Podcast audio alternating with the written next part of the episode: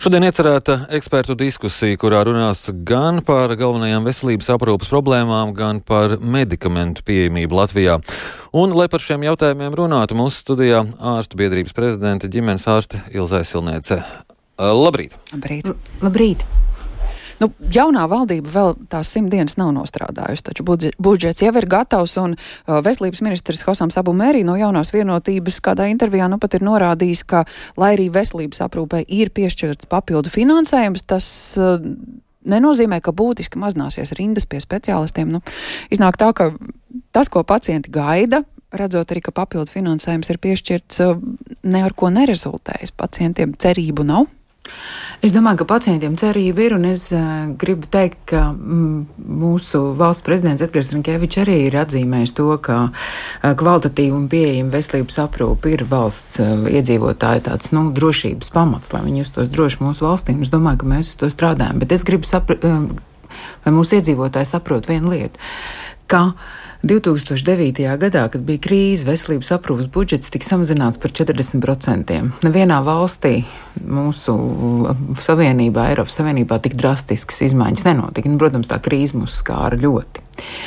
Un būtībā, beidzot, ja mēs procentuāli paskatāmies, kur mēs esam atgriezušies šogad, mēs esam atgriezušies 2008. gadā tajā finansējuma līmenī. Un to mums visiem vajadzētu saprast. Ja mēs pēdējos piecus gadus cīnījāmies par to, lai mēs nonāktu atpakaļ pie tā apjoma proporcionāli. Protams, ka tā nauda skaitliski ir mainījusies, bet arī inflācija ir pieaugusi un arī cenas visā pasaulē uz visu ir pieaugušas, īpaši pēdējos gados. Līdz ar to mēs tagad esam nu, 2008. gadā. Un tagad mums ir jāmēģina aizlikt uz 2023. gadu. Tas ir tas, ko mums visiem vajadzētu saprast. Bet tagad viss ies uz augšu. Nu, ja mēs nezinām, kas ies uz augšu, nu, mēs nezinām, kā pasaule virzīsies. Mēs jau esam daļa no pasaules, vai ne? Bet mums nevajadzētu pieļaut tādas kļūdas, kādas tika pieļautas 2008. gada nogalē un 2009. gadā.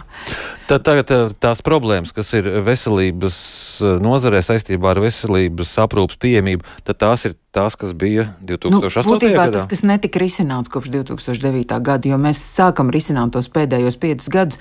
Diemžēl man ir bijis jānodarbojas ar to, ar ko man nepatīk. Man ir bijis jāiet demonstrācijās un, un jāstāv uz ielas pie saimas, bet, eh, nu, teiksim, tā politiskā domāšana par veselības aprūpu kā tautsēmniecības nozari, kurai ir milzīga nozara, nozīme ekonomikas attīstībai, beidzot ir mainījusies.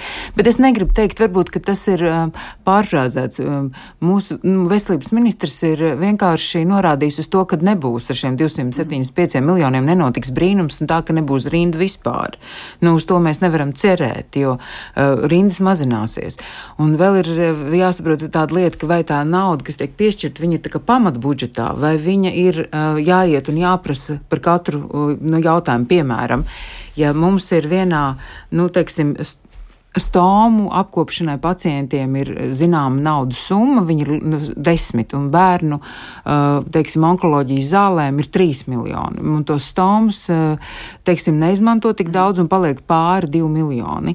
Tad veselības ministrijai jāiet uz finanšu ministriju un jāpierāda, kāpēc ir šie teiksim, vēl divi miljoni jāpārliek tai bērnu onkoloģijai, kamēr viņi to paiet, pa, paiet nu, kamēr viņi pierāda, paiet zināms laiks, reizēm pat vairāk mēneši, un to mēnešu laikā tas bērns varbūt viņam vairs nav jēga tās onkoloģiskās zāles dot. Saprotiet, te ir tas jautājums, kādā veidā tiek piešķirts tas budžets, vai viņš ir pamatbudžetā iekšā, Un vai ir par katru kapeiku jāiet pierādīt, ka santīm un eiro santīm ir jāiet, pie, eiro centi jāiet pierādīt, ka tur ir, tas ir tiešām nepieciešams. Un šajā brīdī pacienti jau pazūd, saprotot, ka, ka tā naudas uh, sadala ir pietiekami sarežģīta, bet ja tā reāli skatāmies, kas varētu būt tie reāli, uzlabojumi, ko nākamgad jūtas? Reāli, ja mēs reāli skatāmies, tad tas, par ko pašreiz runā veselības ministrija un viss nozara, ir, ka kompensējumie medikamenti atgriezīsies 2008. gada līmenī. Ko šķiet pacienti vairs neatceras? Nu, viņi neatcerās, bet toreiz bija zāles, kad ļoti daudz zāles bija, kas bija pa 100%, un tagad viņas bija ilgas gadus 75%. Mēs ejam atpakaļ uz to, ka būs 100%, tur, kur bija 50%, mēs ejam atpakaļ uz 75%. Un ir arī doma, ka uh, mēs varētu virzīties, um, un tur nav tik liela tie līdzekļi arī vajadzīgi, ka, ka, tā, ka līdzīgi citām Eiropas valstīm, ja ārsts izraksta zāles, piemēram, antibiotikas, pacientam par viņām nav jāmaksā, viņas kompensē. Un tas pašreiz tiek kārtots, un, uh, lai būtu ievērojami labākā pieejamība medikamentiem, jo mēs zinām gadījumus, ka pacienti tomēr nenopērk zāles, tāpēc, ka viņiem nav finansiāli līdzekļi, lai viņi varētu viņus iegādāties. Un arī rindas mazināsies. Mm. Bet, protams, nebūs tā, ka rinda nav vispār, jo, kā mēs zinām, visā pasaulē ir rindas, arī ļoti attīstītās valstīs ir jāgaida uz, uz mediķu konsultācijām, un tās rindas pašreiz Latvijā jau pirms diviem gadiem bija nevis tāpēc, ka varbūt nav naudas, jo nauda dažos specialitātēs arī bija piešķirta pietiekami, bet nav kas strādā. Jā, bet nevienreiz vien ir bijušas situācijas, kad uh, par valsts naudu tu vari pieteikties pēc pusgada, ja par savu naudu, tad nākamajā nedēļā. Nu, brīn, bet tas jau tāpēc ir, ka ja mums ir piemēram vajadzīgs 200 eh, ehokardiogrāfijas, bet valsts tai iestādē var piešķirt 50 ehokardiogrāfijām, bet ir 200 cilvēku pieprasījuši. Nu, protams, ka tā rinda ir. Uh, ir nu, viņi būs šie 50 cilvēki sadalīti uz četriem mēnešiem, bet ārsts jau tur ir un strādā, un viņš var darīt vairāk.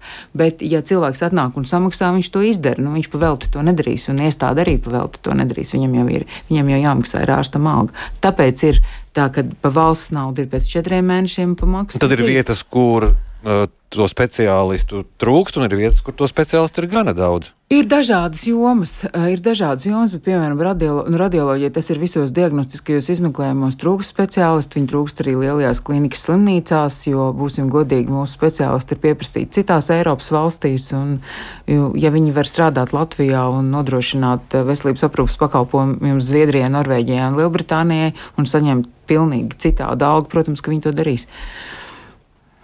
Bet medikamentu pieejamība arī tikai uh, naudas jautājums.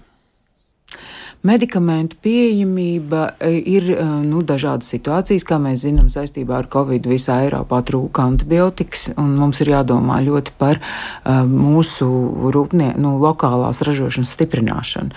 Jo faktiski tieši uh, Latvija ir um, nu, privileģētā situācijā, jo mums ir saglabājusies fa farmaceitiskā ražošana, farmaceitiskā industrija vietējā, kur var nodrošināt pietiekami daudz.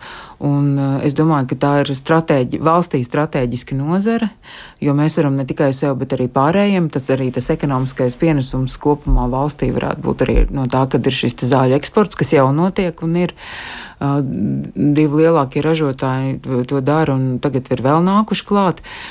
Un jāsaka, ka šī atbalstīšana ir pilnīgā atbilstībā Pasaules veselības organizācijas ieteiktai nacionālajai zāļu politikai, ka valstī ir jādomā par savu neatkarību, vismaz par kaut kādām pamat zālēm, tas ir par būtiskajiem zālēm. Nu jā, bet tad atkal ir skats uz to, ko mūsu farmācijas industrija ražo, un uh, nereti tās uh, nav tās uh, zāles, kuru mums pietrūks, tās ir zāles, kuras ir jāieved no citām valstīm, un, nu, te savukārt ir farmācijas tirgotavas, kuras saka reizēm, ka tie tirgus nosacījumi ir tādi, ka viņi vairs nav ieinteresēti daudz ko vest un uzturēt pie mums. Nu, es domāju, ka tas ir, ir tas jautājums, par kuru uh, spriež pašreiz veselības ministrija kopā ar, ar nozari, uh, nu, teiksim, šeit ar farmācijas nozari, ar lieltirgotājiem, aptiekām un arī ražotājiem, kā šo jautājumu sakārtot, jo nu, mums tas tirgus ir mazs. Es personīgi zinu, ka pirms daudziem gadiem mums nebija pieejams uh, dzeramais penicilīns, kas ir ļoti svarīgs bērniem, viņi negribēja viņu Latvijā reģistrēt, jo tā reģistrācijas maksa mm. bija pietiekami augsta, viņi skaidri zināja, ka tās zāles ir tik lētas, ka viņi, nu, tādā mazajā tirgu nav viņiem jēga te nākt iekšā. Un tad uh, tika pieņemts tāds uh, politisks lēmums, ka šīs zāles tiek reģistrētas bez, eh, nu, bez reģistrācijas maksas toreiz. Bet Es domāju, ka mums ir daudz lietas jā, jāpārdomā. Jautājums, vai Zāļu valsts aģentūra, kura uh, pašreiz nu, pašfinansējās, vai mums tik mazai valstī tie izdevumi par to darbu nav pietiekami mazi, lai mēs tomēr ievērojami samazinātu šo reģistrācijas maksu vai vispār atceltu. Jo nu, tas jau ir mūsu iedzīvotāju interesēs. To tirgu nevajag pārblīvēt, bet nu, ir vienmēr jāizšķirās. Varbūt mums tur ir jāieguldās, un tas ir mazāk, un būs plašākas iespējas arī zāļu piedāvājumam, un ieguvēji būs mūsu iedzīvotāji. Jā, un gal galā tas ir arī Eiropas Savienības kopējais tirgus, kur arī tā drošība tiek ievērota. Tātad šodien ir eksperta diskusija medikamentu un veselības aprūpas pieejamība Latvijā. Izklausās, ka tā būs diskusija pozitīvā noskaņā. Nu, es vispār ceru, ka mums vajadzētu virzīties vairāk uz tādu nu, domu par saprāšanu un atbalstīšanu gan starp uh, mediķiem savā starpā, gan nozarei savā starpā, gan pacientiem un veselības aprūpas iedzīvotājiem.